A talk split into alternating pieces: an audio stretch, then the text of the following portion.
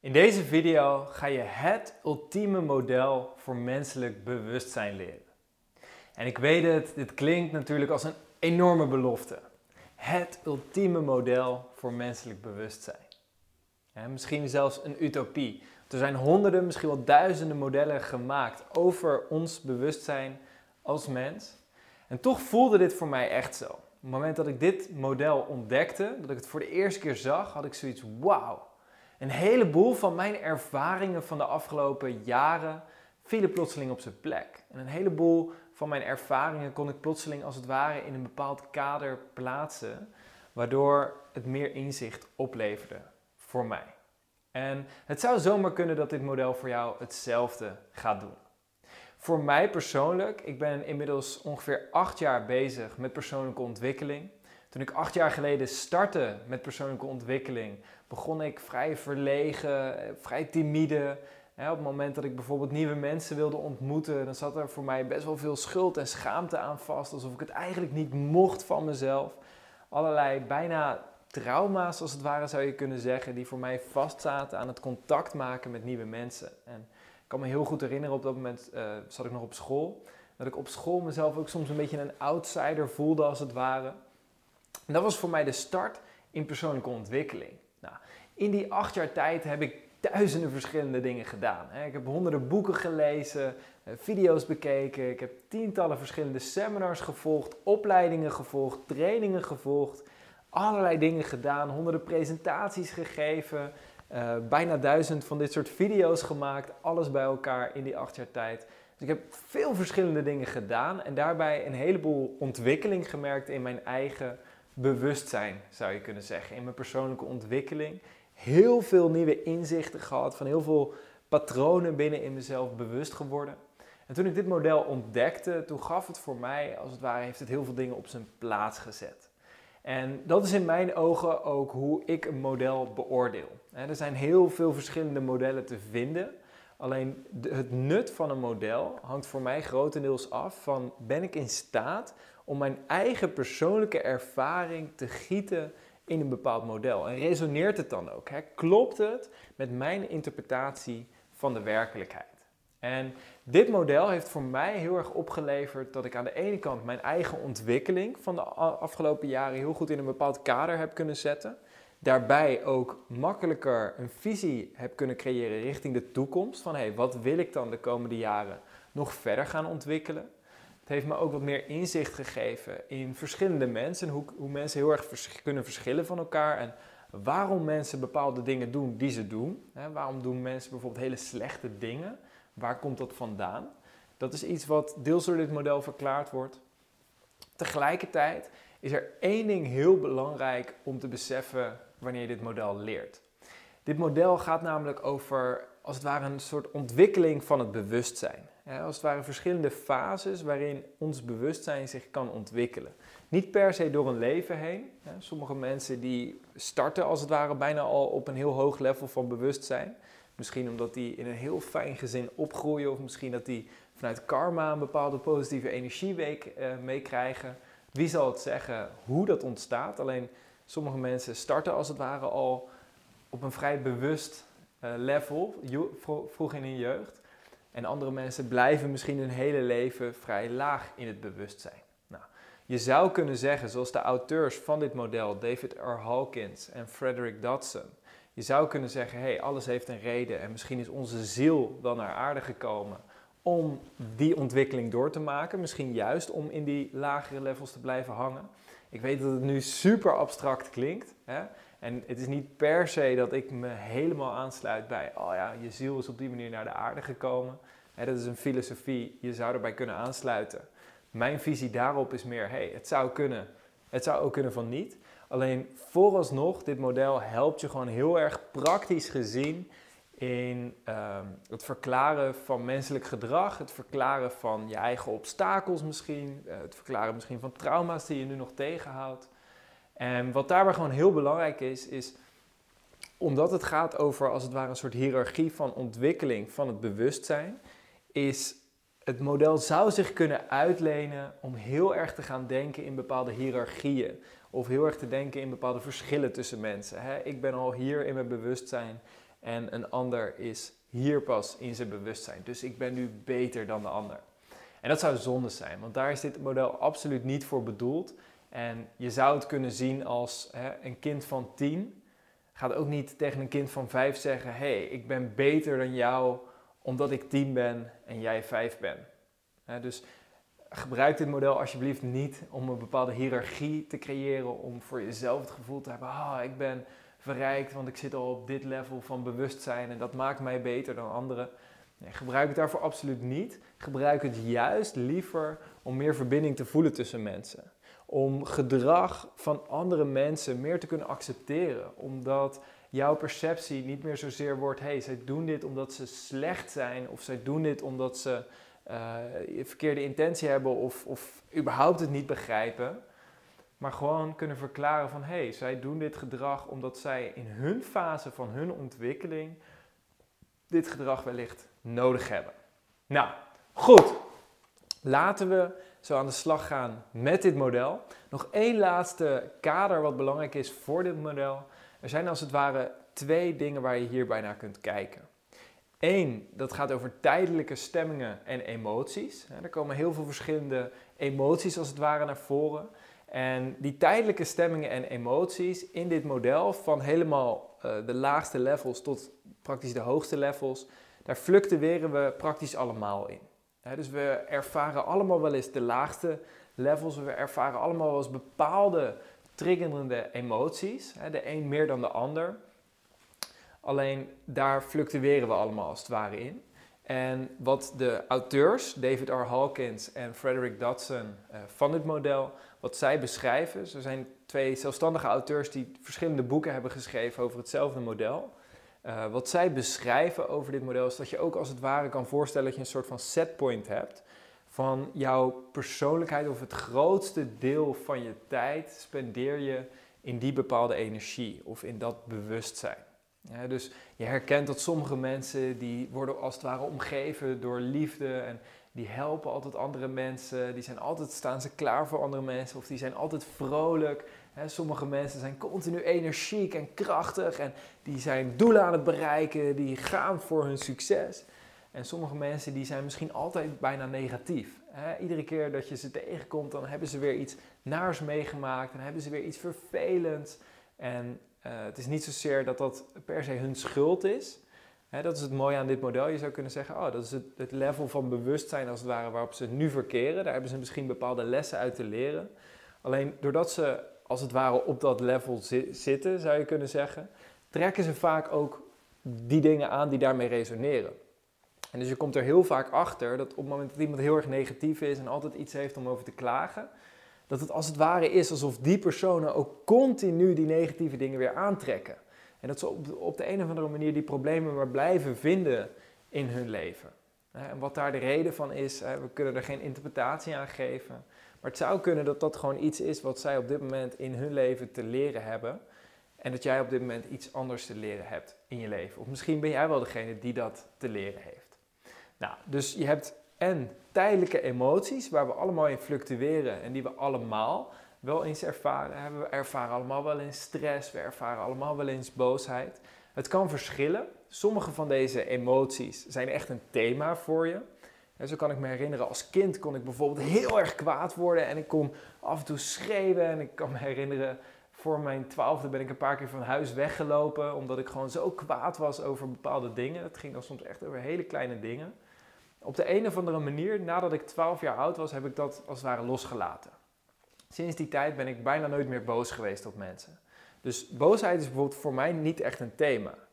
Alleen bijvoorbeeld stress is voor mij weer wel een heel belangrijk thema geweest de afgelopen jaren. En het is iets wat continu terugkomt voor mij. continu die balans van oké, te veel werken en daardoor dan in de stress komen en uh, allerlei uh, gebrek als het ware ervaren. En dan weer harder, meer doen, meer gestrest worden. Uh, dus, dus dat was voor mij juist weer meer een thema. En iemand anders zal misschien merken dat hij helemaal niet zoveel stress heeft en helemaal niet zoveel drang of behoefte heeft om continu maar bezig te zijn, maar misschien juist weer meer die boosheid ervaart.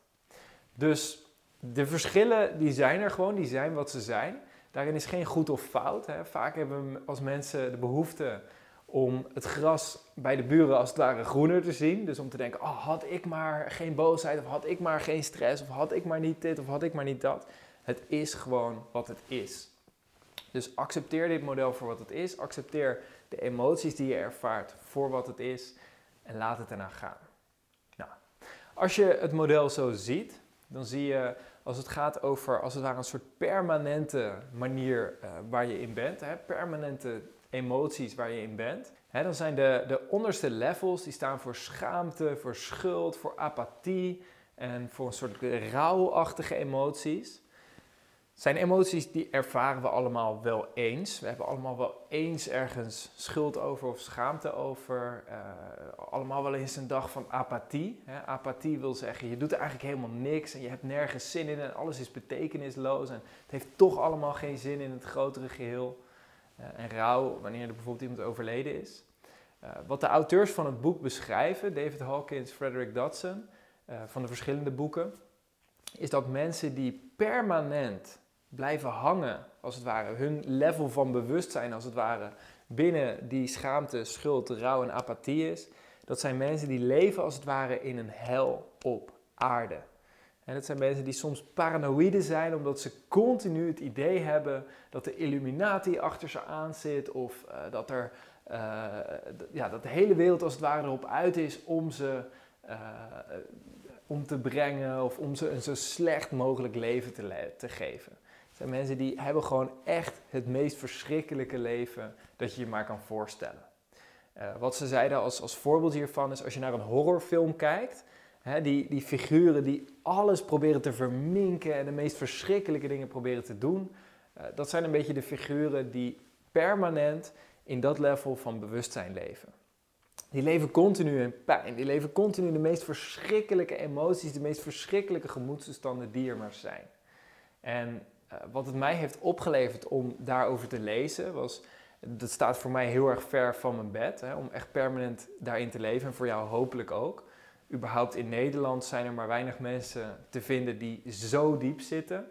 Uh, alleen wat zij beschrijven is, hè, er zijn natuurlijk landen, kijk naar bijvoorbeeld een, Noord-Korea, waar de omstandigheden zo verschrikkelijk zijn. Of in, toen de Sovjet-Unie er nog was en in de Koude Oorlog en daarvoor met, met Nazi-Duitsland zijn er zulke verschrikkelijke dingen gebeurd dat heel veel mensen als het ware een beetje op dat level soort vastkwamen. Omdat er, er waren gewoon de meest verschrikkelijke dingen die gebeurden. Nou, als iemand op dat level vastzit en daardoor misschien bepaalde verschrikkelijke dingen doet. Hè, je kunt, nou ja, we weten allemaal wat voor, wat voor bizarre dingen er op aarde gebeuren. Hè, dan aan de ene kant, natuurlijk keur je dat gedrag niet goed. Hè, natuurlijk is het niet oké dat mensen zulke dingen doen. Alleen tegelijkertijd de plek waar het vandaan komt, is voor die mensen, hoe ik het zie, is dat die mensen zijn ook slachtoffer. Want die zitten in het laagste level van bewustzijn. Die hebben het meest verschrikkelijke leven wat je je kan voorstellen. Iedere dag voor hun is een hel op aarde. Hun gedachten zijn continu dat alles en iedereen erop uit is om hun een zo verschrikkelijk mogelijk leven te geven. Dus hoe ik het zie is mensen die in dat level zitten, stuur een klein beetje vergeving richting hen. Want de enige manier waarop ze kunnen stijgen, de hele wereld haat ze al, dus ze worden eigenlijk continu teruggestuurd naar dat level van bewustzijn. En de enige manier waarop ze een klein beetje kunnen stijgen is als ze af en toe ook een stukje vergeving of een stukje liefde krijgen. Zodat oh, ze kunnen een klein beetje loslaten van die traumatische energie. Nou, dat is dat. De meeste kijkers van deze video, waarschijnlijk bevind je je niet op dat level en waarschijnlijk ken je ook niet heel veel mensen die daarop zitten. Mocht het wel zo zijn, eh, dan kan je dit ermee. Uh, zo niet, dan gaan we bij deze door naar het volgende, de volgende levels van bewustzijn. En de volgende levels van bewustzijn zijn angst, verlangen, boosheid en trots. Nou, opnieuw angst, verlangen, boosheid en trots. Het zijn emoties die we allemaal wel eens hebben ervaren. Wat ik al zei, vroeger als kind kon ik bijvoorbeeld heel erg boos worden soms om dingen. Uh, en uh, bijvoorbeeld uh, angst, hè, angst en daarmee gerelateerd een soort stress. Volgens de auteurs van het boek, of volgens Frederick Dodson, is stress weer net even ietsje hoger um, in, in bewustzijn. Nou, het zijn emoties die je tegenhouden, waar je in vast kan zitten en die ik ook zeker heb meegemaakt en nog wel eens in vast zit af en toe. Alleen, ehm, deze levels zijn over het algemeen al iets actiever dan de voorgaande. De voorgaande zijn echt een soort hel op aarde. Alles is betekenisloos. Het doet er allemaal niet toe. Ik wil eigenlijk zoveel mogelijk destructie aanrichten. En deze levels, angst, boosheid, ehm, trots en, ehm, en verlangen, deze levels uh, zijn al iets meer productief. Als je verlangen hebt, dat is vaak een soort van gebrek, een soort schaarste van, oh, ik zou graag een miljoen euro willen hebben en ik zou graag uh, deze en deze vriend of vriendin willen hebben. En uh, het is een soort vanuit pijn, hè? vanuit schaarste van, ik heb het allemaal niet en ik heb een, soort gebrek. Alleen dit zet al wel meer aan tot actie. Dus waar die, die onderste lagen van bewustzijn en energie eigenlijk alleen maar voor een soort apathie zorgen, het is betekenisloos en eigenlijk bijna alleen maar tot destructie leiden, kunnen deze levels al een ingang zijn om naar boven te gaan en fijnere emoties te ervaren. En want angst, op het moment dat je ergens bang voor bent en je neemt wel actie, dan verdwijnt die angst vaak als het ware. Hoe vaker je iets doet waar je bang voor bent, op een gegeven moment ben je eraan gewend en dan is het ineens niet meer eng. En met boosheid bijvoorbeeld, hè, boosheid, het kan heel destructief zijn. Dus hè, oorlogen kunnen ook gevoerd worden vanuit boosheid. Sterker nog, wat uh, Frederick Dodson beschrijft, is de laagste levels zijn soms te apathisch om, om zelfs oorlog te kunnen voeren. Dus volgens hem komen oorlogen voornamelijk uit, die, uh, uit deze levels, omdat dit heel actief is. Hè, boosheid, als iedereen in boosheid leeft, dan gaat iedereen tegen elkaar in. Terwijl die onderste levels is vaak ja, of een soort horrorfilm of, nou ja, het is gewoon geen leven daarin. Dus heel veel organisatie en planning komt er daar ook niet aan te pas. Dus dit zijn vaak de levels waar dat soort dingen eh, in voorkomen. Dus aan de ene kant kan het soms tijdelijk een ingang zijn om naar boven te gaan. Aan de andere kant, als je daar permanent in zit, of in zo'n gebrek, zo'n verlangen, of in angst, hè, continu maar bang zijn voor alles en iedereen om je heen, en dan leid je eigenlijk ook nog steeds echt een verschrikkelijk leven. Het is iets minder erg dan die hel op aarde van de laagste levels, maar het is nog steeds best wel verschrikkelijk. Het is alleen, er zit meer energie in. Dus het, het is meer een stukje actiegericht al. Nou, dit zijn dingen, op het moment dat je die dingen uh, als het ware kunt verwerken, hè, zeker angst, boosheid, uh, zijn dingen die veel van ons wel eens ervaren. Verlangen, het is niet zozeer, hè, vaak zijn we geneigd om te zeggen: oké, dit mogen we niet ervaren, dit mag niet, dus we gaan het maar onderdrukken. En hoe meer het vaak onderdrukt wordt, hoe groter het probleem wordt. Juist bij dingen zoals angst is vaak: hé, hey, ik voel angst, hé, hey, dat is een goed teken, want dat betekent als ik dit ga doen, dan ga ik hier doorheen en dan wordt die angst minder. En hoe meer ik dit soort dingen confronteer en hoe meer ik die angsten bijvoorbeeld overwin, hoe minder grip angst heeft op mijn leven. En het fijne is dat je op een gegeven moment dus zal merken dat je steeds meer vrij wordt van angst. Als ik naar mijn eigen ontwikkeling kijk de afgelopen jaren, toen ik een jaartje of 17 was, acht jaar geleden, toen was mijn leven voor een bepaald deel best wel overheerst door angst. Het is niet zozeer dat ik continu uh, mijn hele leven bang was. Maar het was wel eens als ik bijvoorbeeld naar school ging. Hè, er was wel eens, waren wel eens vechtpartijen op school. Ik was altijd wel een beetje op mijn hoede. Van, oh, misschien dat er ergens een vechtpartij uitbreekt. Als ik bijvoorbeeld uh, nieuwe mensen ging ontmoeten, waar ik op een gegeven moment veel meer mee bezig uh, begon te raken, had ik altijd ergens de overtuiging: wat als die nieuwe mensen mij echt niet mogen en dat ze me direct willen gaan slaan of dat ze geweld willen aanrichten? Dus er waren bepaalde sterke triggers van angst in mij. Waar die vandaan kwamen, geen idee. Alleen die waren er. En door daar continu confrontatie mee te hebben, door continu op feestjes op nieuwe mensen af te stappen en later steeds meer presentaties te geven, trainingen te geven voor steeds grotere groepen mensen. Al die dingen waar ik telkens bang voor was, die werden als het ware steeds minder. Waardoor angst nu een steeds kleinere grip heeft op mijn leven. Hetzelfde uh, geldt voor boosheid. Dat was toevallig iets wat ik dan vroeg in mijn leven op de een of andere manier heb kunnen loslaten. Maar dat is voor iedereen is dat anders. Hè? Het belangrijkste is wanneer je het confronteert, wanneer je het, wanneer het aangaat, dan kun je het voor jezelf loslaten. Nou, deze twee uh, gebieden die ik nu heb genoemd, hè, die bestaan weer uit allemaal subgebieden. Wanneer je die boeken leest, uh, dan zul je alle kleine nuances en details veel meer krijgen. Dus ik geef nu meer een globaal overzicht. Maar deze twee gebieden, dat zijn de meer destructieve uh, gebieden. Hè. Alle emoties die mensen daarin ervaren, die zijn vaak destructief. En als je kijkt naar het grotere geheel, hè, mensen, de hele planeet, dan zijn organismen die in deze levels van energie en bewustzijn leven, die hebben als het ware een meer negatieve impact op de wereld. Hè. Oorlogen, maar ook angst en continu uh, bang zijn allemaal voor elkaar. Uh, het zijn allemaal levels van bewustzijn waar de wereld eigenlijk onder leidt als geheel. En alles wat daarboven op een gegeven moment uitstijgt, dat draagt bij aan de wereld. En hoe hoger je komt in die levels van bewustzijn, hoe meer en meer je dus ook in staat bent om bij te dragen aan de wereld. Nou, de volgende levels die daarboven komen, dat zijn moed, bereidheid, eh, neutraliteit als het ware en acceptatie. En in mijn ogen zijn dit al hele krachtige emoties en een hele krachtige stand van bewustzijn om in te zijn. En is het tegelijkertijd ook echt een soort portaal om verder te komen. Wat eh, Frederick Dodson in zijn boek eh, Levels of Energy beschrijft, is dat deze levels van bewustzijn, dat dit als het ware het stuk is waar mensen een kalm, comfortabel leven leiden. Dus heel veel mensen in Nederland bijvoorbeeld rijden gewoon, leiden gewoon een rustig leventje waar alles op zich wel oké is. Ze gaan niet al te ver buiten hun comfortzone, uh, maar ze willen liefst dingen een beetje gelijk houden. Ze zijn zoals de buren als het ware. Ja, dat is dan vooral het level van neutraliteit.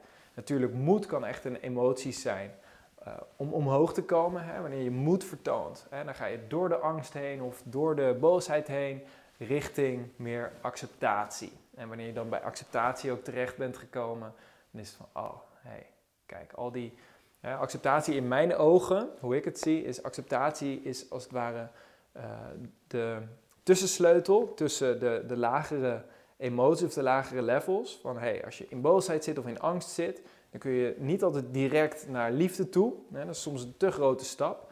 Dan heb je soms acceptatie even als tussenweg te nemen. Oh, hé, hey, ik accepteer dat ik boos ben. Ik accepteer dat dit nu zo is. Ik accepteer deze situatie. En dat brengt voor mij de ruimte om verder te klimmen als het ware in mijn bewustzijn en fijnere emoties en fijnere energie te kunnen ervaren in mijn leven. dus dat zijn deze volgende levels. Het zijn vaak een beetje gewoon. Hè? Doe, maar, doe maar gewoon, dan ben je al, uh, al gek genoeg. Dat is het karakteristiek van mensen die hier permanent in zitten. En dat is helemaal prima. Wat, uh, wat ik net al beschreef, dit zijn allemaal levels van energie die bijdragen aan het grotere geheel. Dus dit zijn levels van energie die als het ware meer geluk, meer vreugde, meer liefde op de wereld brengen. En hoe hoger je komt, hoe sterker dat wordt uiteraard. Nou, wanneer je dan nog hoger komt, dan ga je richting reason en, en richting love. En hoe de auteurs uh, dit beschrijven, is dat dit echt wel gigantisch sterke emoties zijn. reason is gewoon het intellect. het kunnen nadenken, het scherp kunnen nadenken en ideeën kunnen creëren. En dat is daarmee echt een soort creatie. daaronder, zeg maar, het stukje acceptatie en willingness is vaak heel erg op succes uh, gericht. bedrijven starten en ook al succesvol willen zijn. Dat zijn de, de hogere levels van het vorige stukje wat ik beschreef. Ik beschreef natuurlijk over het doe maar gewoon. Dat is meer het, het laagste deel. Die uh, willingness en acceptatie, dat creëert al veel meer. Daarmee ontstaat veel meer. Dus het, het, creëren van bedrijven bijvoorbeeld. En wat hij beschrijft, hoe hij het beschrijft, is dat wanneer mensen echt vastzitten in reason, dat is echt waar het intellect aan bod komt. Het echt nadenken, uh, plannen maken, boeken lezen, intellectueel ontwikkelen. En uh, dit is het niveau waar soms genieën uh, heel erg in kunnen floreren. Dus bijvoorbeeld een Albert Einstein, die had heel veel van de energie van 400. Dat wil niet zeggen dat hij niet in staat was om naar de, naar de liefde te komen en andere levels van bewustzijn. Alleen hij had heel veel capaciteit opgedaan in die 400, omdat hij heel intelligent was. En aan de ene kant is dat gigantisch krachtig. Hè? De kennis is macht, zeggen ze ook wel eens. En hoe meer kennis je hebt, hoe meer bijdrage je uiteindelijk kan leven. En je kan je voorstellen dat iemand zoals een Albert Einstein, die heeft de hele wereld kunnen veranderen. Doordat hij zo krachtig was in intellect. En tegelijkertijd is het krachtig om dat intellect ook nog eens te combineren met de liefde die daarboven komt. En een tussenweg die ik even wil benoemen, wat voor mij de afgelopen, het afgelopen jaar heel belangrijk was, is uh, wat Frederick Dodson in zijn boek Levels of Energy beschrijft, is dat bovenaan het, uh, het, het rationele deel, het intellectdeel, dat daar op een gegeven moment verbeelding, imagination aan bod komt. Wat ik namelijk heb gemerkt voor mezelf heel sterk, is ik heb de afgelopen acht jaar ben ik steeds meer boeken gaan lezen en inmiddels heb ik honderden verschillende boeken gelezen en daarmee heel erg mijn logische brein getriggerd en gestimuleerd. En op een gegeven moment ontdekte ik voor mezelf echt de kracht van imagination.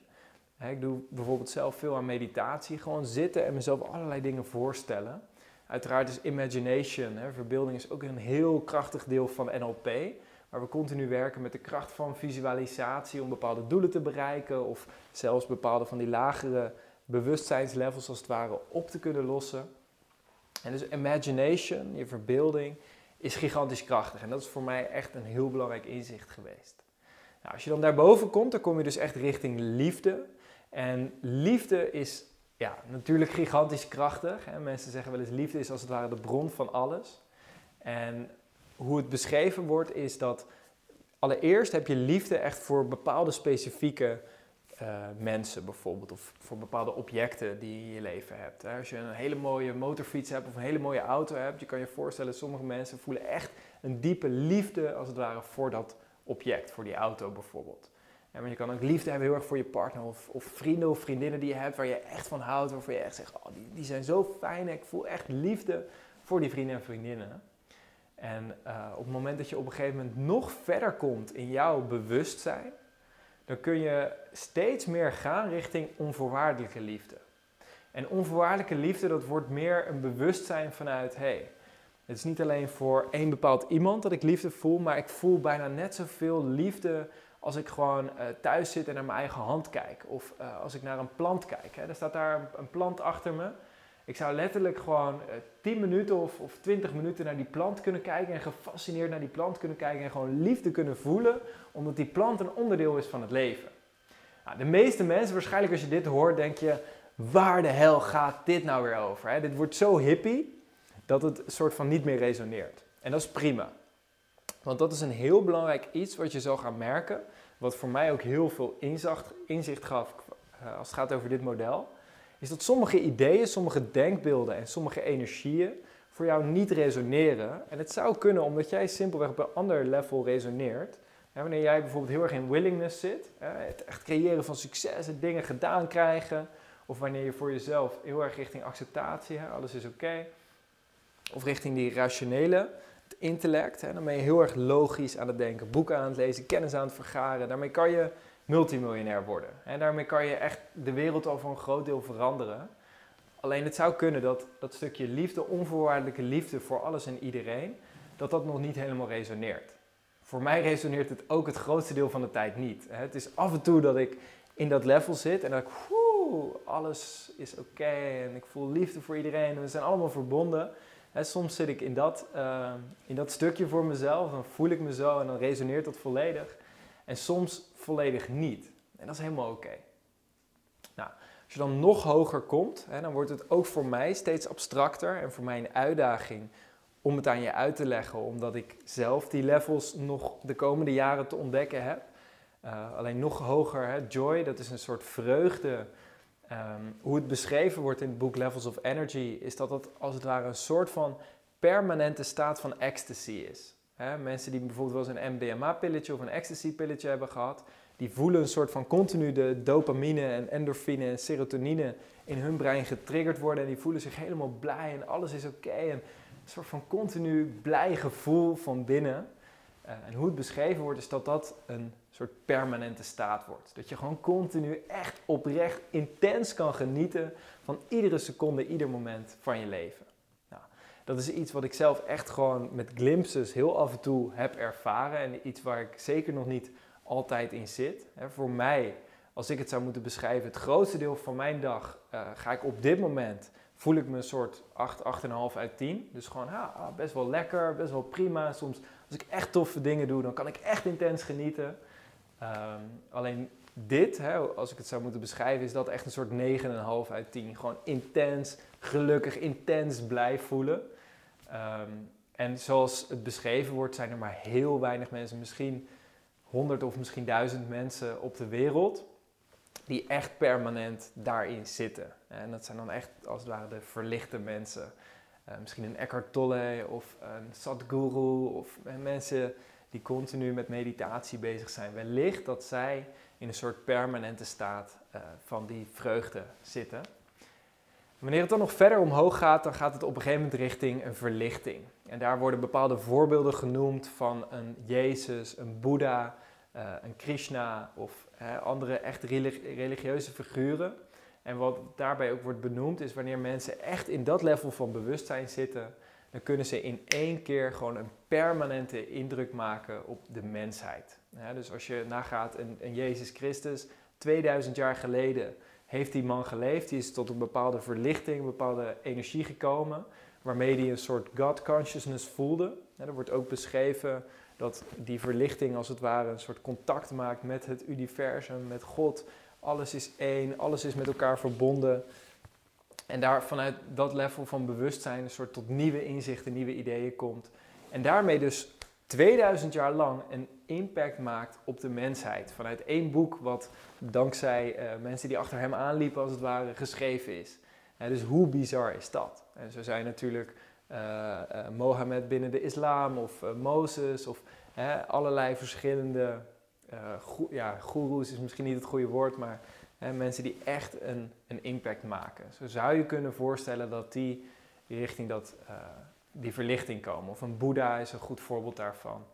Um, die hebben, als je die ook naast elkaar legt, hè, echt de religieuze leiders uh, of de, de oorsprong, um, de messias van verschillende geloven, dan kom je erachter dat er bepaalde patronen te herkennen zijn die heel erg overeenkomen. en hoe het ook beschreven wordt is, um, er is heel veel verschillen en dat zit vaak ook in de interpretatie. want de boodschappen van die uh, religieuze leiders, als het ware, die zijn natuurlijk honderden keren verdraaid. En uiteindelijk worden er oorlogen gevoerd vanuit religie. Uh, alleen dat komt vaak niet vanwege de boodschap die in eerste instantie is gegeven. Want dat was vaak een boodschap van gelijkheid. Jezus Christus zei: eh, laat de persoon de eerste steen gooien die zelf onschuldig is. Dus vaak wordt de boodschap gegeven vanuit gelijkheid, vanuit liefde, vanuit verbinding. En vanuit lagere levels van bewustzijn zou je je kunnen voorstellen dat een boodschap van liefde verdraaid kan worden om uiteindelijk alsnog een reden te zijn om oorlog te voeren. Dus um, ja, dat is dat. De levels van verlichting uh, zijn eigenlijk niet echt mijn gebied van expertise, omdat ik dat nog niet zozeer zelf heb meegemaakt. Uh, dus daarvoor zou je bijvoorbeeld religieuze teksten kunnen lezen en verbanden daarin kunnen ontdekken om te ontdekken van hey, wat zijn de wijsheden die vanuit dat level van bewustzijn uh, ons in ons leven verder kunnen helpen. En sowieso kun je ontdekken van hey, alle levels boven die 200, alle levels boven die trots, waar trots eigenlijk een beetje dubbel is. Hè, want trots kan aan de ene kant, hey, ik ben trots op mezelf. Hè, het kan heel productief en constructief zijn. Aan de andere kant, trots kan ook andere mensen naar beneden halen. Dus trots zit een beetje tussen uh, constructief en destructief in. Uh, alle levels boven, boven trots zijn constructief. Dus alle levels boven trots zou je eigenlijk een keer in je leven moeten ervaren. En je zou een keer in je leven echt die willingness, die, die bereidheid om gewoon te knallen en uh, succes te bereiken, heel veel succes te bereiken in je leven. dat is een belangrijke fase om een keer doorheen te gaan. Om gewoon te zeggen, hé, hey, ik wil graag miljonair worden of ik wil graag uh, miljardair worden en ik ga daarvoor. En die reason, gewoon echt, hé, hey, ik wil graag meer weten, meer leren. Ik ben leergierig, ik wil alles weten, ik wil alle boeken lezen. Dat is een belangrijke fase om een keer doorheen te gaan. En die liefde, hè, gewoon, oh, ik hou van uh, die persoon, ik kan intens die liefde voelen. Of ik hou van alles en iedereen en ik kan intens die onvoorwaardelijke liefde voelen. In mijn ogen is dat voor mij in ieder geval het streven waard om nu vanuit reason meer richting die liefde te komen en meer die verbinding tussen alles en iedereen te ervaren. En alle levels die, die constructief zijn, die kunnen iets toevoegen en die zijn daarin fijn. En het is ook heel fijn en heel waardevol om te ontdekken van hé, hey, maar welke emoties, welke blokkades houden me nog tegen in die lagere levels of energy. want op het moment dat je die uh, obstakels, dat je die knopen als het ware kunt losmaken, en daarin meer vrijheid kunt ervaren, dan kan dat gigantisch veel opleveren. En kan het je meer vrijmaken om de andere levels van energy te ontdekken. Dus, dit is mijn interpretatie van dit model. voor mij, zoals je aan deze video kunt horen, voor mij heeft het heel veel impact gemaakt. Voor mij is het echt een heel belangrijk model wat mijn kijk op de wereld best wel heeft uh, verrijkt, als het ware. Dus vandaar dat ik de inzichten die ik daarin heb gehad graag aan jou door wil geven. Dus vandaar deze video. Uiteraard, je kunt het helemaal op je eigen manier zien. dit is mijn interpretatie van dit model. En ik zie ook weer de auteurs David R. Hawkins en Frederick Dodson die geschreven hebben over dit model. Zij hebben ook weer hun eigen interpretatie. Als ik hun boeken lees, ben ik het ook niet met alles per se eens. Alleen tegelijkertijd, ik veroordeel ze niet op de gebieden waar ik het niet mee eens ben. Ik ben gewoon gefascineerd over, hey, wat voor wijsheid hebben ze in eh, misschien 50 of 60 of 80 jaar onderzoek wat zij hebben gedaan uh, over deze gebieden. Wat voor wijsheden kan ik daaruit opnemen? En de gebieden die nog niet zo resoneren of wat nog niet helemaal bij mij past, dat laat ik gewoon even links liggen. Nou, ik zou je willen aanraden om datzelfde te doen wanneer het gaat over dit model. En dan heb ik zomaar het idee dat het jouw leven best wel heel erg zou kunnen verrijken. Dat was dat. Ik wens je bij deze heel veel plezier, heel veel succes en uiteraard heel veel liefde toe in jouw leven. We zien elkaar een andere keer weer. Ciao.